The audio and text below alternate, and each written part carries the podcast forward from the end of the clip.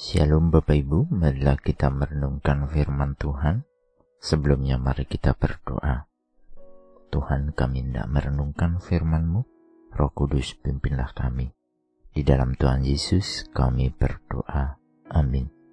Bacaan saat ini diambil dari Yesaya 49 ayat 13, Yesaya 49 ayat 13. Bersorak-soralah hai langit, bersorak-soraklah hai bumi, dan bergembiralah dengan sorak-sorai hai gunung-gunung. Sebab Tuhan menghibur umatnya dan menyayangi orang-orang yang tertindas. Satu hal yang menyedihkan dan merasa terbuang adalah ketika kita ditinggalkan dan dilupakan. Apalagi hal ini dilakukan oleh orang-orang terdekat kita, sehingga akan menambah kepedihan di dalam hati kita. Gambaran kesedihan ini ada dalam perikop bacaan Yesaya saat ini. Orang Israel merasa ditinggalkan dan dilupakan Tuhan karena kesusahan besar yang mereka alami.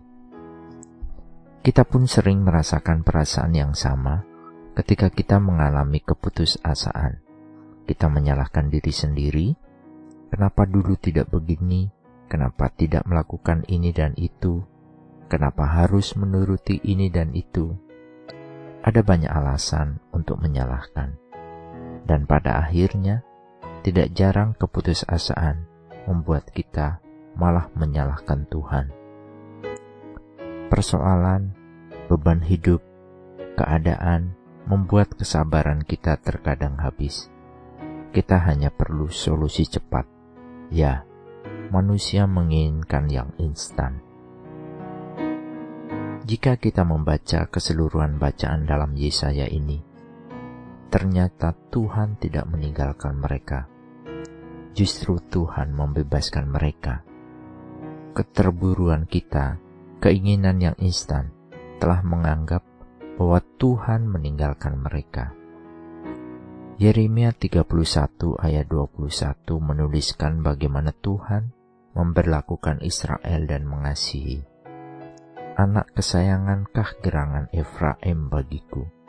Atau anak kesukaan? Sebab setiap kali aku menghardik dia, tak putus-putusnya aku terkenang kepadanya. Sebab itu hatiku terharu terhadap dia, tak dapat tidak aku menyayanginya Demikianlah firman Tuhan. Kasih Tuhan itu melebihi, bahkan lebih besar dari kasih seorang ibu kepada anak-anaknya. Belas kasihnya sangatlah besar. Tuhan sudah buktikan dalam kematian dan kebangkitannya di kayu salib untuk menebus kita dari dosa. Bukankah ini kasih yang luar biasa bagi umat manusia? Jangankan hanya suatu persoalan yang kita alami, bahkan dosa yang membawa kita mati pun Tuhan yang tanggung. Kita harus meyakini bahwa Tuhan pasti menyertai kita. Jadi janganlah goyah, janganlah kita ragu.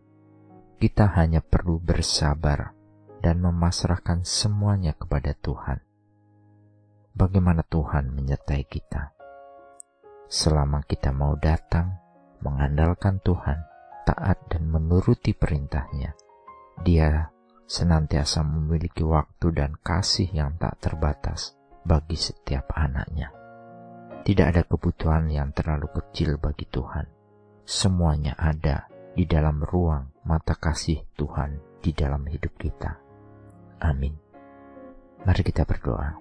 Bapak Surgawi, sungguh kami bersyukur Engkau Tuhan yang senantiasa hadir dan mengawasi kami. Segala keperluan kami, bahkan kesedihan kami, Engkau lebih mengetahui. Ajari kami mensyukuri hidup kami, dan beri rasa percaya akan senantiasa penyertaan-Mu di dalam hidup.